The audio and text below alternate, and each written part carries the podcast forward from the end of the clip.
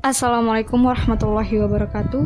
Uh, di sini saya akan membuat podcast tentang pertanyaan dari teman-teman yang kemarin dan saya memilih yang paling menarik yaitu apa itu khilafah. Sebelumnya saya menyapa teman-teman dulu apa kabar? Uh, semoga kita selalu sehat walafiat. Lanjutkan yang tadi. Uh, Mungkin dulu di SD kita pernah mendengar kata-kata khalifah, Khalifah Umar bin Khattab, Khalifah Utsman bin Affan, Khalifah Ali bin Abi Thalib, dan khalifah-khalifah yang lain tapi tidak disebutkan dan tidak diperdalam di SD.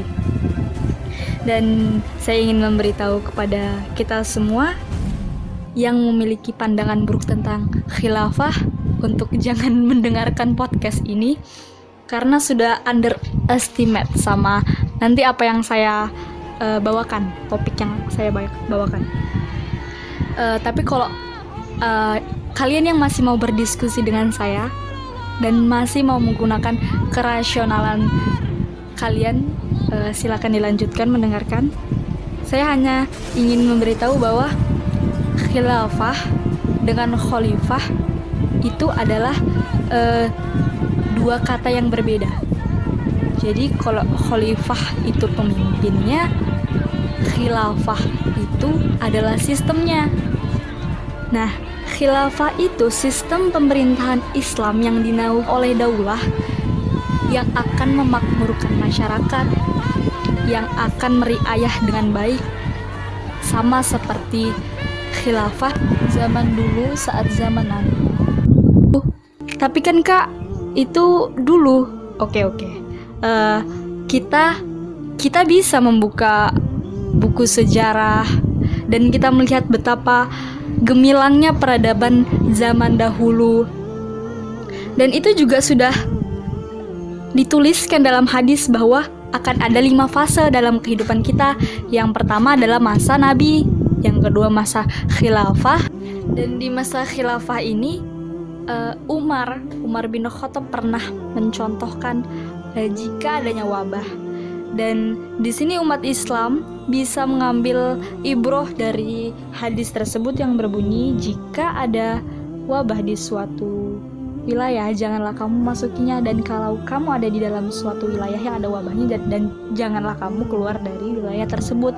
Dan dari situ tuh kita bisa uh, melihat dan mencontoh bahwa pandemi-pandemi wabah itu sudah dicontohkan sejak zaman dahulu dan kita bisa mengikutinya.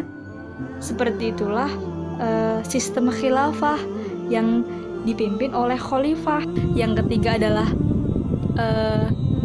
pemimpin yang menggigit dan yang keempat adalah zaman kita ini yaitu pemimpin diktator.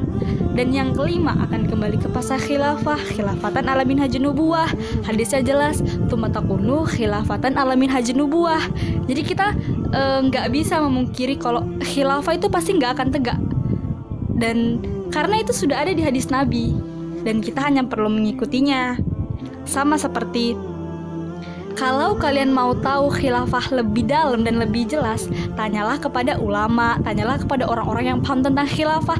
Jangan tanya kepada orang-orang yang gak paham.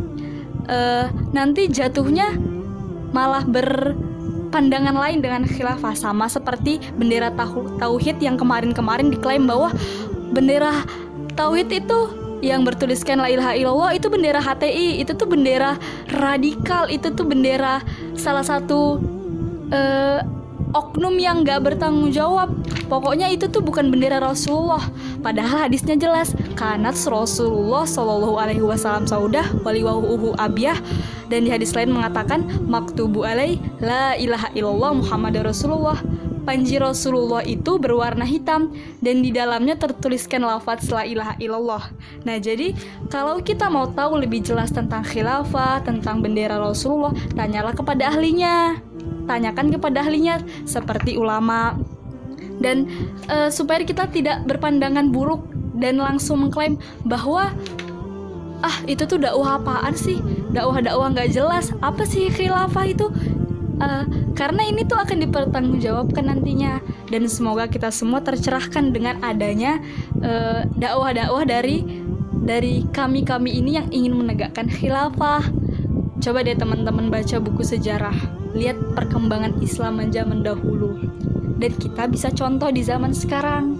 Nah, mungkin itu aja yang bisa saya diskusikan. Wallahu alam bisawab. Wassalamualaikum